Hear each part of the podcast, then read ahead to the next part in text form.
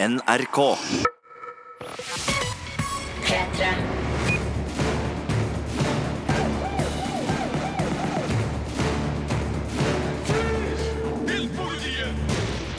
Det er klart for den aller første podkasten fra oss i Filmpolitiet i 2018.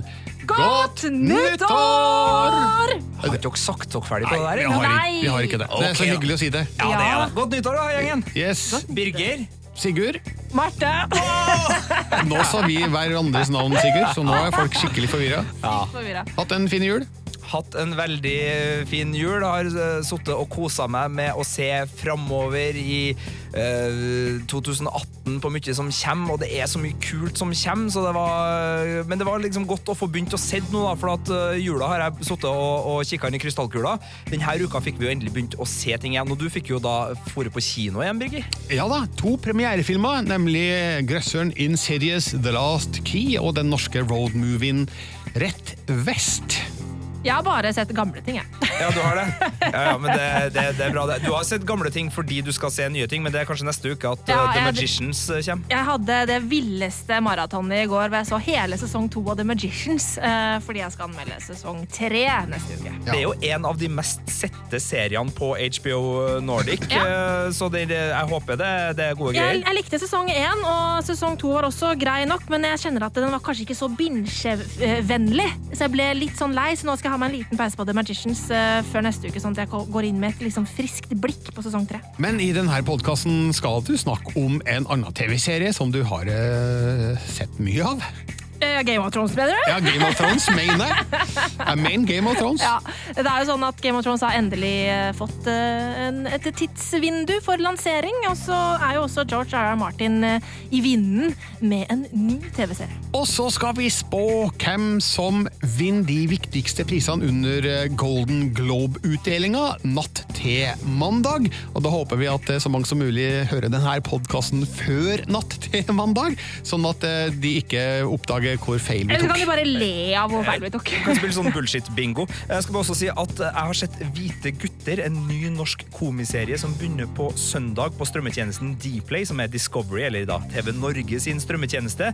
Det her er en pappagutt-komedie fra beste vestkant i hovedstaden. Så hvis du blir Hvis nysgjerrigheten din blir pirret av den slags, så er det bare å følge med videre i denne podkasten, for da kommer det en liten dom over det.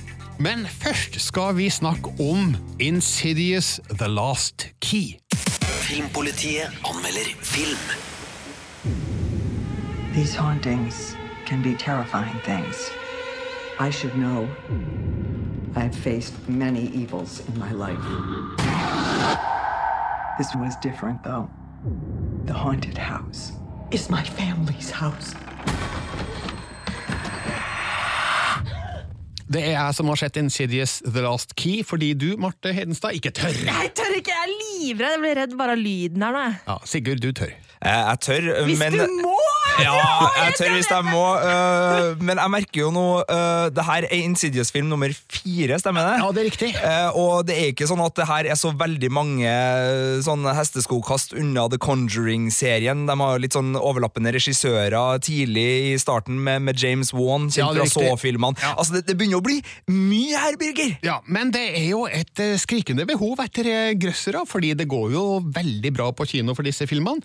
Og det er jo også grunnen til at vi nå får film nummer fire i denne serien. Eh, Det handler jo da om en spiritist som heter Elise, spilt av eh, skrekkfilmveteran Linn Shay. Eh, Høres veldig norsk ut, men det skrives jo med AY i etternavnet der, så det finnes sikkert noen som heter Linn Shay i Norge. Men uh, hun er jo kjent fra blant annet Nightmare on Elm Street og Critters og um, flere andre biroller i amerikansk sjangerfilm.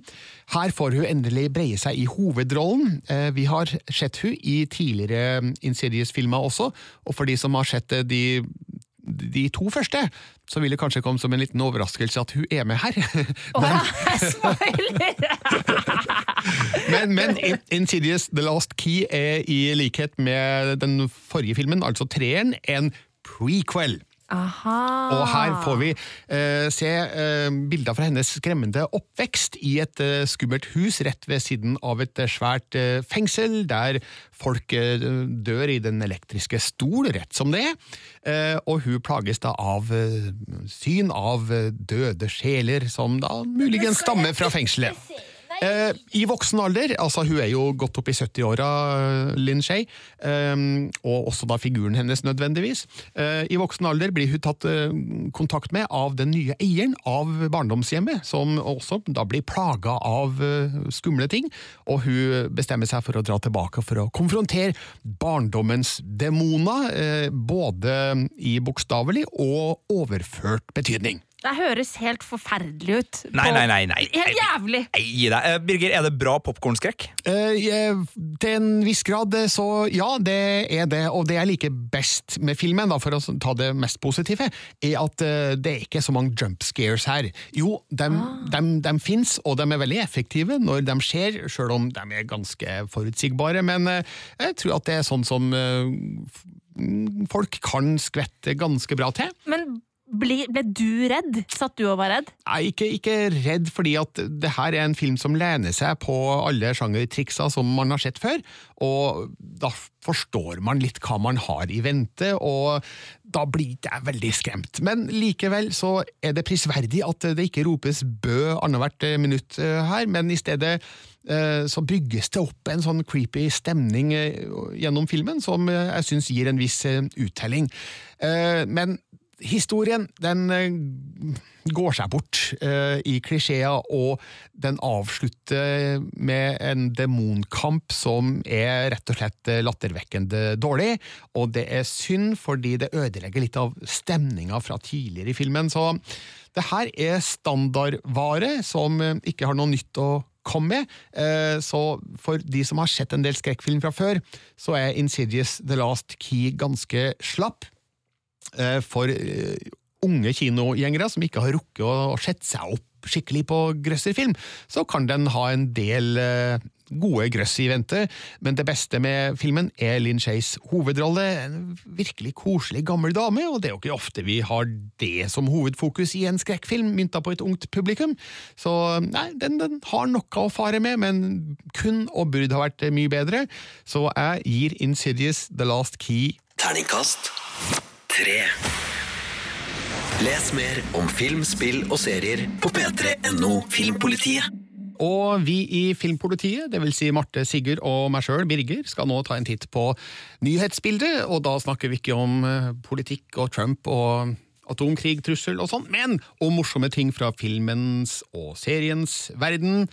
Og Sigurd, hvor skal vi først? La oss starte i det jeg regner med er en fiktiv gate, nemlig Kielergata, som er navnet på TV2s store høstsatsing på seriefronten, som har, ifølge overskriftene, landa Kristoffer Joner i hovedrollen. Ja. Og jeg lurer veldig på, altså Kielergata, Vi prøvde å finne ut om det var en ekte gate, men det klarte vi ikke å finne ut av. Eh, Men altså, kan det være Killergata? Kan det være det? Kan det være det? Nei. Nei. Nei. Det her er i hvert fall en serie som skal ha premiere på høsten da, eh, på TV2. eh, Og den er litt sånn der vag eh, beskrivelse av hva den handler om her. Det handler om en, en fyr med en mørk fortid som tror han har funnet det perfekte skjulestedet i Kielergata. Og så er det da flere i denne gata som også har hemmeligheter å skjule. Ja, det kan bli både morsomt og spennende, og det er gode folk bak. Patrick Syversen og Cecilie Mosli skal stå for regien her. Så vi gleder oss til å se Joner på den lille skjermen, eh, som ikke er det eneste stedet vi får se han i, i høst. Nei, han har jo vært og hengt med Tom Cruise da, sånn i området rundt Prekestolen, vil vi tro, så han dukker vel opp i Mission Impossible 6, eller Kanskje han har hengt bokstavelig talt i fjellveggen med Tom Cruise? Ja. Hvem vet? Eh, og så er det jo en viss uh, naturkatastrofefilm fra hovedstaden som kommer 31. august på kino, som er oppfølgeren til Bølgen. Da snakker vi Skjelvet, og der gjentar da Kristoffer Joner sin hovedrolle sammen med Anne Dahl Torp.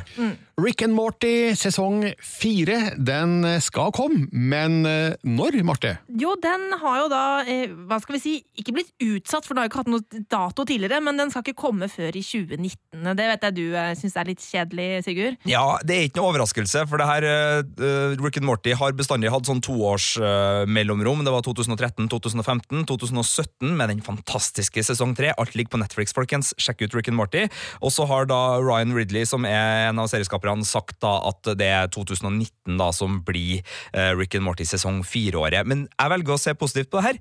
Det kommer en sesong fire av Rick and Morty, uh, så la oss nå ikke bli gloomy. True Detective sesong tre er også på vei, og nå vet vi hvem som skal spille sammen med Mahershala Ali.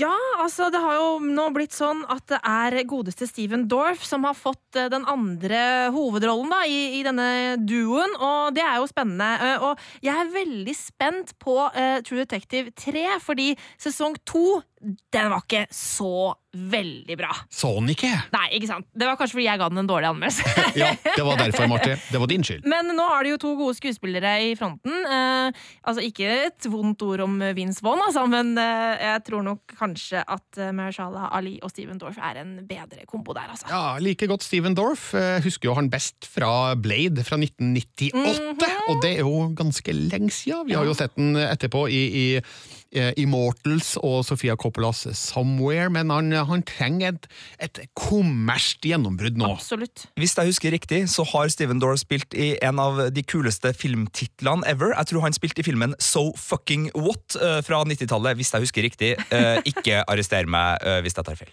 Jeg går ut på Internet Movie Database eh, for å sjekke det nå, Sigurd. Eh, Det er riktig. I 1994 spilte han Cliff Spab i SFW. Gratulerer, Sigurd. P3. Filmpolitiet anmelder TV-serie. Du er 26 år, du er full annenhver dag, og du har ingen planer med livet ditt. Pappa, jeg har masse planer. Kødder du? En god plan ville vært at du fikk deg en utdannelse før du mister alt det håret ditt. Mathias! Er du gira? Ja, jeg er litt gira.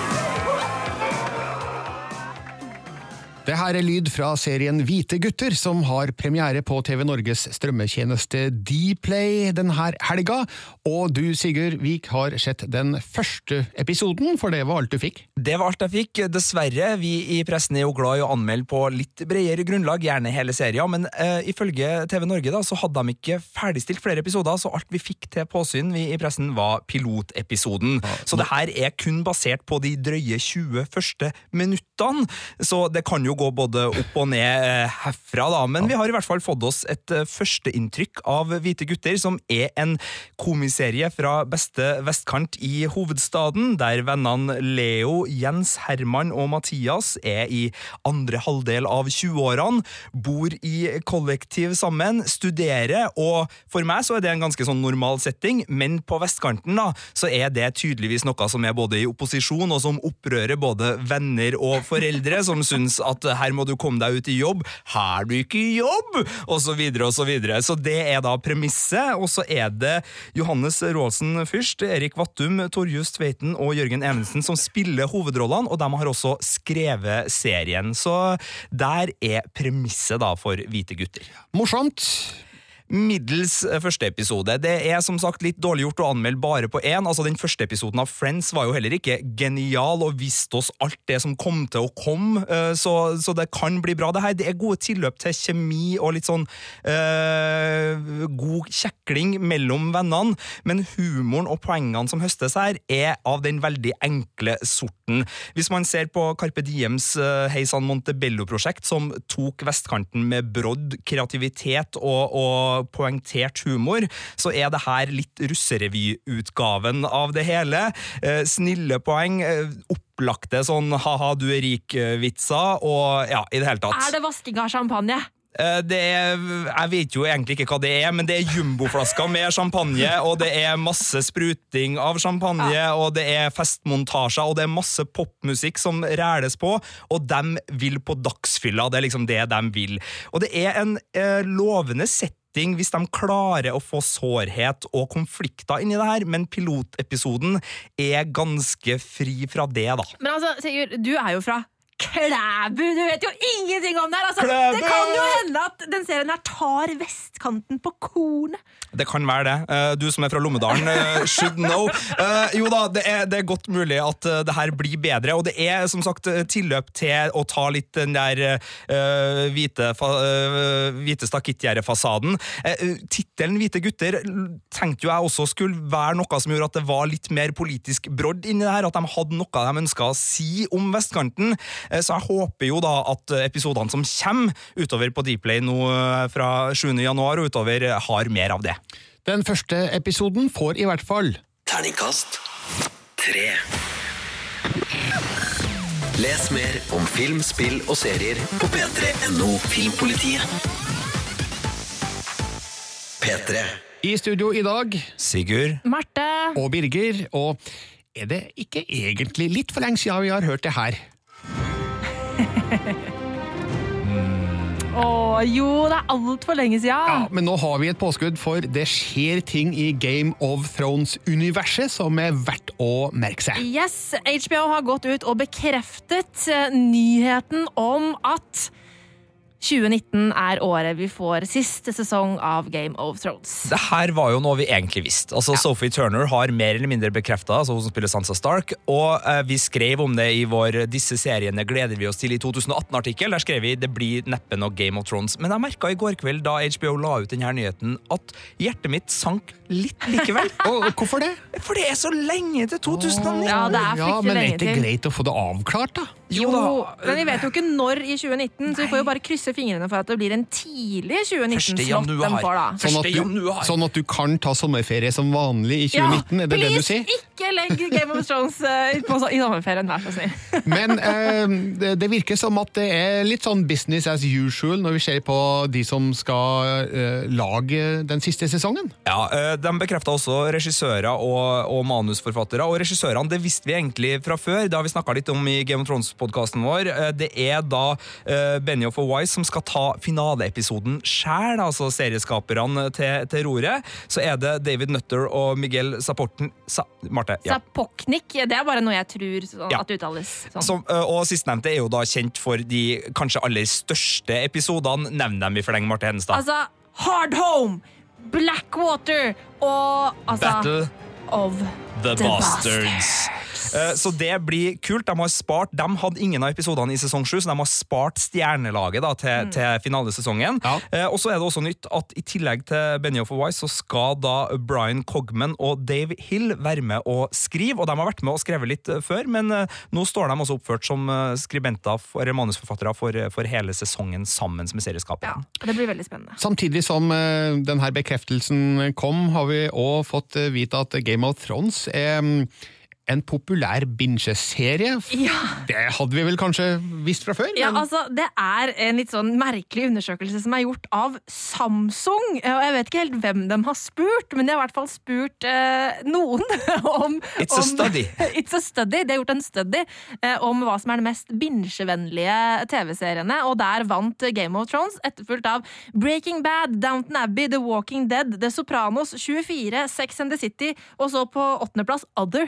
Jeg vil hevde at Lost, The det, Wire. Ja, ikke sant? Lost er, ja. ja. Da vil jeg hevde at det er favorittseriene sine folk har svart på, og ikke Ja, bingevennlig. For du kan si mye om Lost, og for så vidt en del av de andre her. Bingevennligheten er ikke den aller, aller største, vil jeg påstå. Ja, altså jeg, jeg øh, klarte ikke å se Breaking Bad før på mitt tredje forsøk, og da digga jeg det, men jeg måtte liksom begynne tre ganger før jeg klarte å komme inn i det, så ja.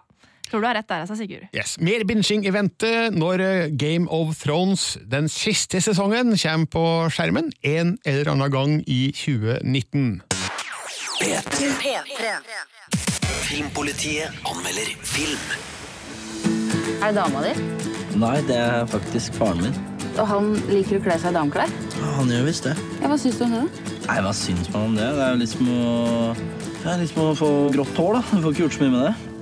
Du kan farge det. Jeg tror du har eh, godt av å komme deg ut litt. Folk dør. Vi fortsetter å leve, pappa. Mamma har fått en invitasjon til NM i kilting ute på Ona fyr. Hva om vi to gutta tar den turen?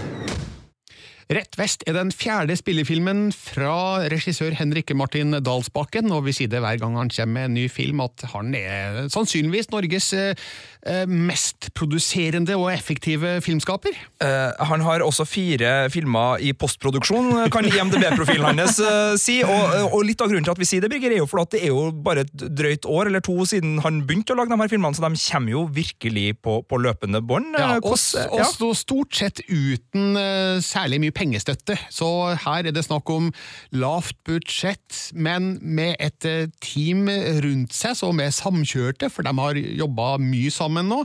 Og også foran kamera har han jo brukt både Ingar Helge Gimle og Benjamin Helstad tidligere. Og i kommende prosjekter, så her er det folk som tydeligvis eh, kan lage mye film på kort tid. Og Rett vest, den er ikke ille, skjønner du. Det handler om en far og sønn som begge opplever en eh, livskrise, eh, spesielt i lys av at deres kone, skråstrek mor, nylig har dødd. Og de bestemmer seg for å dra fra Oslo til Ona i Romsdal for å representere mora på NM i kilting. Noen som vet hva kilting Nei, er? Det er eh, ta oss gjennom det. Lag... Jo, jeg vet hva det Ah, er! Okay. Er ikke det å lage lappeteppe? Er ikke det kilting lappeteppe, Ja, liksom? det er riktig. Ja. Det, så, Sorry, det her, så det her er en roadmovie der de eh, legger ut på tur og møter en del folk underveis. Og hver av de episodene er litt sånn morsomme, underfundige, og det er godt spilt, og det er en veldig hyggelig stemning. Eh, Så det er mye å sette pris på her, og spesielt eh, Benjamin Helstad og Ingar Helge Gimle spiller veldig godt i sine respektive hovedroller, der eh, Helstads figur er en sånn litt sånn mislykka musikklærer, mens Ingar Helge Gimles figur er en pensjonert ballettdanser, tror jeg, ut ifra bilder vi ser i filmen. Og så er han også da transvestitt, som setter farge på figuren uten at det gjøres til et svært poeng i filmen. Ok. Men det, det, det høres ut som at du har et lite men her i måten du prater på. Ja, jeg har et lite men. Eh, Mennet eh, er at eh, filmen har ikke noe, egentlig noe stort poeng. Altså, det er ikke noe overhengende konflikt her mellom de to, som da skal løses utover i, i filmen. Og det er ikke noe tematikk her om forholdet mellom far og sønn som har noe dypere klangbunn. Sånn at alle enkeltepisodene er eh, for så vidt eh, morsomme og trivelige, men eh, det er ikke noe som binder dem sammen i noe stor grad, så det, det, det blir litt poengløst, da. Det er det som er ankepunktet mitt her. Eh, Det eh, lille jeg har sett av Dalsbakken tidligere, har vært eh, veldig i ulike sjangere, men veldig formsterkt. Altså Når den først går for en, en sjanger eller en form, så, så kan det og, og gjør noe nytt det. Hvordan er det som roadmovie, det her? For jeg har inntrykk av at det er det det er som sjanger. Ja, altså Det er jo mange flotte bilder av norsk natur her, med noen flotte droneflygninger blant annet. Og det er mye fjell og dal og natur, og eh, du får følelsen av å være med ut på, på, på denne reisa. Så Sånn sett så har eh, Henrik Martin Dalsbakken absolutt greid å lage en roadmovie. Hvordan er det med sånn buddy-kjemi? For det er jo også en ting jeg liker med roadmovie, at de som sitter i eventuelt bilen eller eh, på sykkelen, eh, finner litt tone og har litt sånn eh, vennskapelig kjekling osv. Ja, altså Det morsomste i Rett vest er jo når um, Georg Margrete, som Ingar Helge Gimles figur da heter, veldig tilfeldigvis møter gamlekjæresten sin, da, som den første som passerer når sykkelen har brutt sammen på en øde vei. Veldig lite sannsynlig, kanskje, men det fører til en del morsomme situasjoner og god dialog. Så igjen, en sånn enkeltbestanddel i filmen som er bra, uh, uten at det bygger seg opp til å være noe mer. Eh, did it make sense? Ja, det skjønner jeg hva du mener. At, men her er det reisen, kanskje, som er målet i seg selv. Det er mulig at det er reisen som er målet i seg sjøl, det er riktig det, Marte, men jeg skulle ønske at det var noe som gjorde reisen litt mer betydningsfull da for figurene vi møter, for figurene i Rett vest, dem er gode. Terningkast fire. Les mer om film, spill og serier på p3.no Filmpolitiet. Filmpolitiet hver fredag fra 11 til 1 på P3. 2017 var et bra eh, kinoår for damer, Marte. Ja, altså på den amerikanske box-officen er det eh, damer som troner på topp tre over de mest eh, sette siste uh, kinofilmene. Og det syns jeg er veldig gøy, fordi uh, det har jo vært en sånn gammel myte om at uh, filmer med kvinner i hovedrollen ikke gjør det bra. Men i, i USA så har vi da Vi har Wonder Woman, vi har Beauty and the Beast og vi har The Last Jedi. Sånn at det betyr jo at vi har tre drittøffe damer på topp tre på kinotoppen. Som da er Luke Skywalker på førsteplass, uh, Udyret uh, og uh, hvem Ja, altså disse tyske soldatene. Nei, nei, nei. nei. Det er ganske likt i Norge òg, for Kinotoppen 2017. Der er det Star Wars uh, The Last Jedi på, på topp, og Mm. Skjønnheten og udyret på tredje, med Askelodden mellom seg. Men Ja. Wonder Woman på den norske kinotoppen i fjor, helt ned på 18., med bare 186 000 besøkende. Ja, altså Det forstår jeg virkelig ikke. Altså, Jeg forstår ikke! Wonder Woman er jo årets film! Altså, altså dere, dere som hører på, har du ikke sett, altså, har du ikke sett Wonder Woman? Du må fikse det, liksom. Ja. Kom deg på, på videosjappa. Vi kan jo, da, hvis vi skal være litt sånn djevelens advokat-ish her, eh, legge skylda på DC sitt eh, kinounivers og si at Suicide Squad på en måte har litt av skylda, fordi at folk ikke da, er like gira som på Marvel-filmene, men nå har vi jo slått det fast en gang for alle. For det første, kvinner i hovedrollen er bare positivt for Yes. actionfilmer også, og Uh, Wonder Woman. Wonder Woman er jo det beste med DC-filmene. Eh, ikke at det skal så mye til kanskje for å være best der, men jeg likte Ben Affleck jeg, som Mm. Batman. Eh, men Wonder Woman er bare fantastisk. Så gjenstår det å slå deg om 2018 blir et like bra år for kvinnelige hovedroller på kino. Mm. Eh, nå passer det å gå over til en mann, da. Nemlig Christian Bale. Ja, altså Christian Bale, han, eh, han har jo eh, Det har vært mye rykter rundt han om at han eh, skulle spille i solo A Star Wars Story.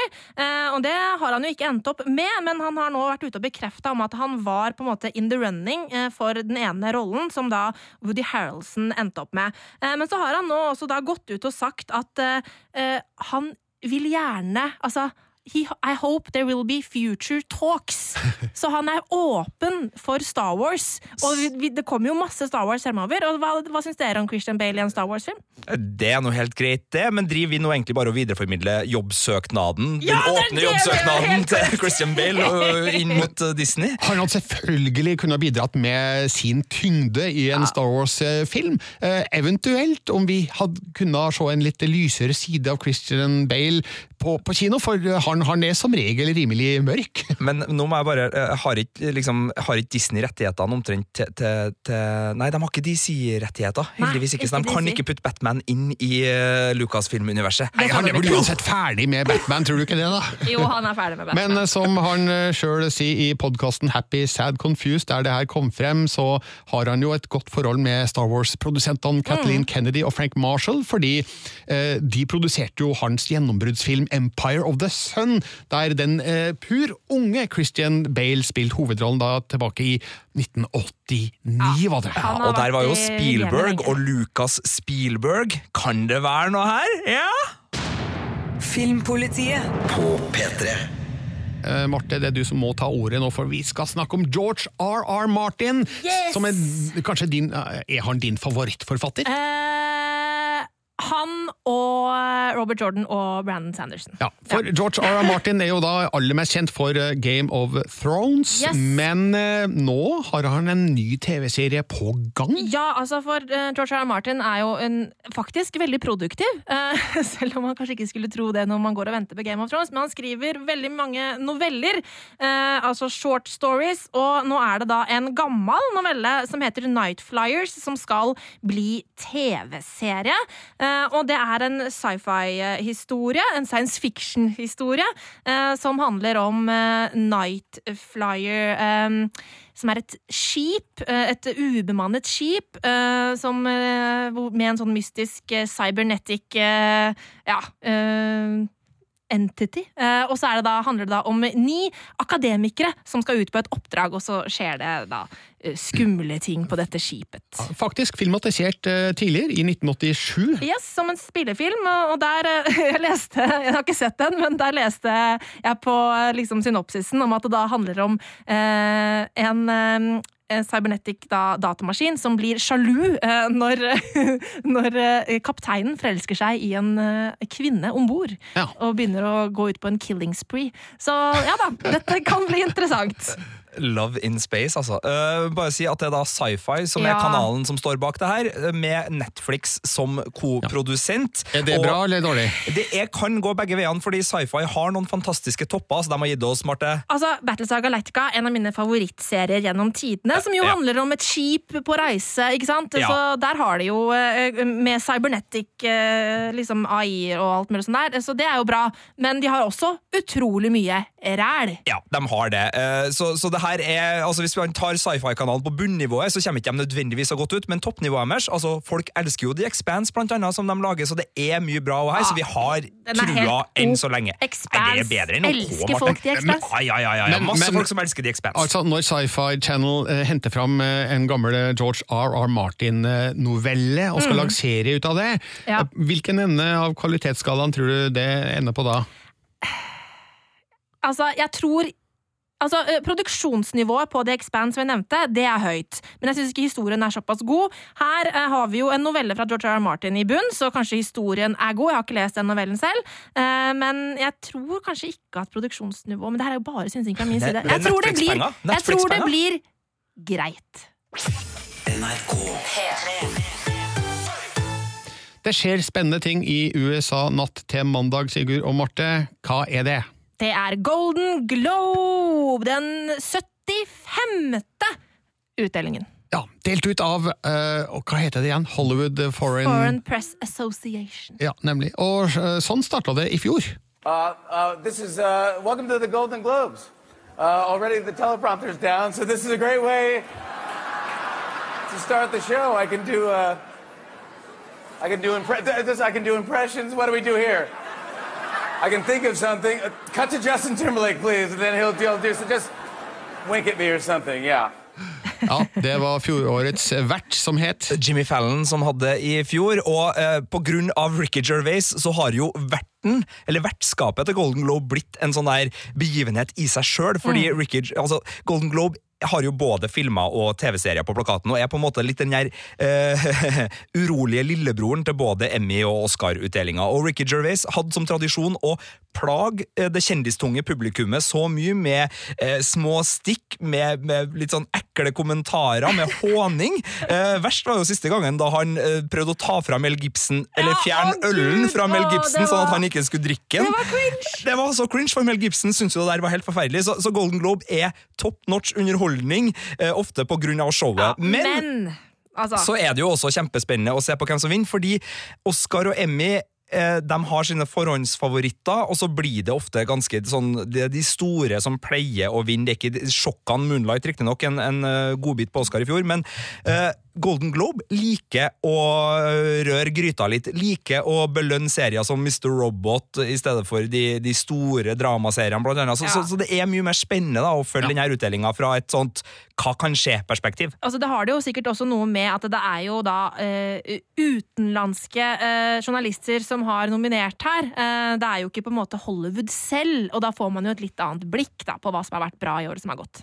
Det er da flere kategorier i Golden Globes-utdelinga, men vi konsentrerer oss om de antatt viktigste, og den første beste spillefilm skråstrek drama, fordi de har flere filmkategorier.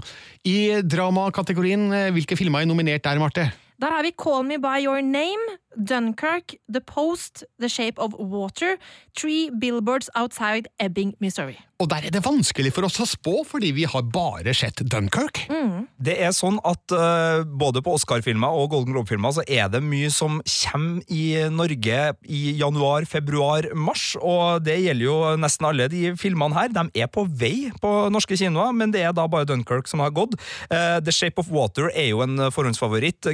Guillermo del Toros eh, nye film som ser fantastisk vakker ut. Og så er jo Spielberg-filmen The Post en jeg håper litt på, for jeg elsker journalistdramafilmer. Men eh, Dunkirk, som da er den eneste vi har sett, er jo en eh, monumental prestasjon av Christopher Nolan. En krigsfilm som ikke ligner mange andre krigsfilmer, har sin helt særegne stil. Så eh, da, da setter jeg jo automatisk en knapp på den, da, fordi jeg har jo sett den. Og så er det jo sånn at den har jo eh, Christopher Nolan også blitt nominert i, i kategorien beste regissør for også, så han mm. har jo sjansen der også. Men, Eh, men eh, The Shape of Water, som ble Ja. nevnt her, den har vært en forhåndsfavoritt. Og jeg har med vilje prøvd å holde meg langt unna alle filmklipp og trailers og handlingsreferat, sånn at jeg vet faktisk per i dag veldig lite om hva The Shape of Water er, og sånn håper jeg at jeg kan holde det til, til den skal vises på kino her i Norge. Skal jeg fortelle hva den handler om? Nei, Nei, men altså Guillermo del Toro og Steven Spielberg er jo eh, Og eh, Martin McDonagh, som har Three Billboards Outside Ebbing, Missouri. Alle de er jo nomine- nominert til beste regi, så konkurransen er beinhard. Eh, nå skal vi snakke om eh, beste spillefilm i kategorien musikal eller komedie, som jeg syns er en veldig rar kategori. Ja, det er sånn Musikal og komedie det må selvfølgelig sammen, selv om det kan jo være kjempetrist musikal.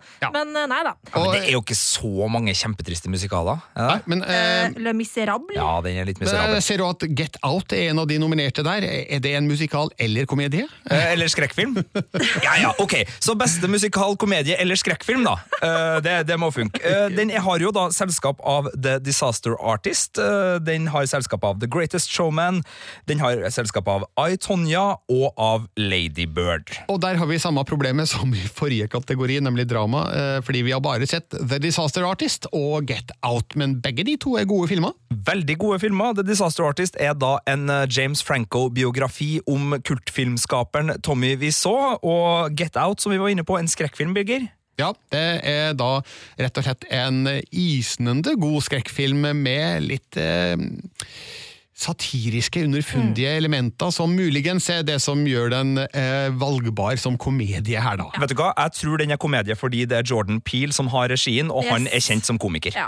Eh, Men de tre siste er jo filmer som i hvert fall jeg ser veldig frem til eh, i år. Altså Både The Greatest Showman, musikalen med, med godeste Wolverine. Hugh, Hugh Jackman, Hugh Jackman. som har premiere neste uke. Yes, og så I, Tonja. Eh, hallo. Eh, Tonja Harding-komedien. Jeg gleder meg OL på Lillehammer. Og så er det jo Ladybird, som jeg vet er den av filmene du gleder deg til mest til i år. Ja, Regissert av Greta Gervig, og en, en film som ligger helt i toppen på nettstedet Rotten Tomatoes eh, sin eh, liste over eh, ja, de filmene som har fått best anmeldelser. Fun fact, den har også gått forbi Moonlight som den mest innbringende filmen til det selskapet som ga ut av Moonlight, fjorårets Oscar-vinner. Så veldig vanskelig å spå hvilken av de her fem nominerte som stikker av med Golden Globe her, men eh, hvis jeg skal gjette på noe, så gjetter jeg på Lady Bird. Ja, jeg er ikke uenig med det, men jeg og Marte håper at det blir Aitonia, fordi vi vil ha norske medier pepra fulle av de der sakene. Slik var det på Lillehammer-OL. Dette var Kerrigan Harding-skandalen og alle de andre fiffige nyhetsoppslagene. I eh, Golden Globe-kategorien for beste regi, der har vi en del eh, kjente, gamle menn, Marte.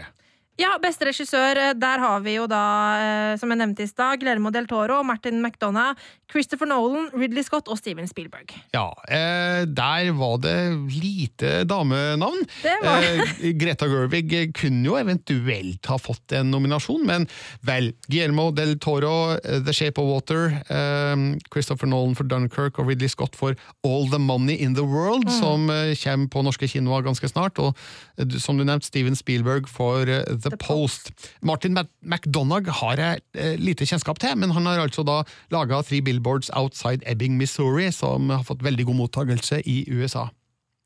Jeg, jeg må jo selvfølgelig eh, eh, si at Ridley Scott! Ridley Scott fortjener prisen, bare fordi han er Ridley Scott. Men hva med Guillermo del Toro? Han er jo fantastisk regissør. Birger sa Ridley Scott. Jeg sa Ja, okay, Ridley Scott. Okay, greit, Ridley Scott. Så det blir Ridley Scott. Nei, så uh, da, da har vi egentlig stalltipsa inne, hvis ikke dere har noen andre ting å tilføye her. Vi kan jo supplere på, på TV-seriefronten eh, kjapt, hvis du vil ha med de. Der er det The Crown, Game of Thrones, Handmaid's Tale, Stranger Things og This Is Us som kjemper om drama, og der er det jo The Handmaid's Tale Ja, som skal vinne. Helt enig. De, den må vinne. På komiserien Blackish, The Marvelous Mrs. Maisel, Master of None, Smilf og Will and Grace. Skandale! Skandale at Will and Grace er nominert, for det er Ja. en drittserie. Så det viktigste der er at Will and Grace ikke vinner. Resten er, er helt greit. Og så på miniserie Big Little Lies, Fargo, Feud, The Sinner og Top of the Lake sesong to. Big Der Lies. skal Big Little Lies vinne. Så det var stalltipsene fra Filmpolitiet. Golden Globe-prisene deles ut natt til mandag, og du kan lese hvem som vinner på våre nettsider p3.no slash filmpolitiet. Og så kan du se prisutdelingen på TV2 Sumo eller TV2 Livsstil. Rød løper begynner fem på ett. Selve utdelingen starter klokka to. Og heng med oss på p3.no. Dette er Filmpolitiet på P3. P3. Denne podkasten fra Filmpolitiet er straks over, men eh, det er mer i vente, fordi om en uke er vi tilbake, og da, Marte, har du sett en eh, ny serie? Da har jeg sett eh, sesong tre av The Magicians. Da har jeg sett Jumanji, eller Jumanji, eller hva kaller man egentlig denne filmen? Jumanji! Jumanji! Jumanji, welcome, to, the, jungle. Welcome to the jungle! I tillegg skal premierefilmene Darkest Hour, med Gary Oldman som Winston Churchill i hovedrollen, anmeldes. Eh, Den, den russiske eh, romfartsfilmen Spacewalker, som handler om eh, de første rompionerene. Eh, The Commuter, som er en eh, ny film med Liam Neeson. Eh, på Taken 4? Taken eh, 43. Eh, The Greatest Showman, som vi snakker om i Golden Ja. Globe-sammenheng, med Hugh Jackman, og Wonder Wheel, som er den nye filmen eh, av Woody Allen, med blant andre Justin Timberlake og Kate Winslet på rollelista. Men hvis jeg skal anbefale noe, da bare siden jeg ikke har fått anbefalt noe i denne sendinga, siden jeg bare har sett gamle ting eh, hvis Manhunt i Netflix, det så nemlig jeg i jula, og den har vi ikke snakka om i, i sendingene. Så bare gå og se det. Det handler om eh, Una-bomberen. Eh, veldig veldig spennende serie hvis dere har lyst på true crime. Og husk at X-Files sesong 11 har starta, går på TV3, ligger på Viaplay. Første episode kom denne uka, og det kan bli siste runde med Molder og Scully. Det ryktes at det kanskje ikke blir så mye mer, eh, før det eventuelt blir comeback, da. Men eh, X-Files, altså. Dere som vet, dere vet. The truth is uh, out there, som det heter. Du har uh, hørt følgende personer i dagens uh, Filmpoliti-podkast. Sigurd Vik. Marte Hedenstad. Og Birger Vestmo, tusen takk for at du lasta ned og hørte på. Og gi oss gjerne en rating og en anmeldelse der du finner dine podkaster. Det hadde vi satt veldig stor pris på, sånn at vi har mulighet til å nå ut til enda flere med våre mm, ting, betraktninger, anmeldelser og nyheter innen film, spill og serier. Filmpolitiet. Du finner flere podkaster på p3.no podkast.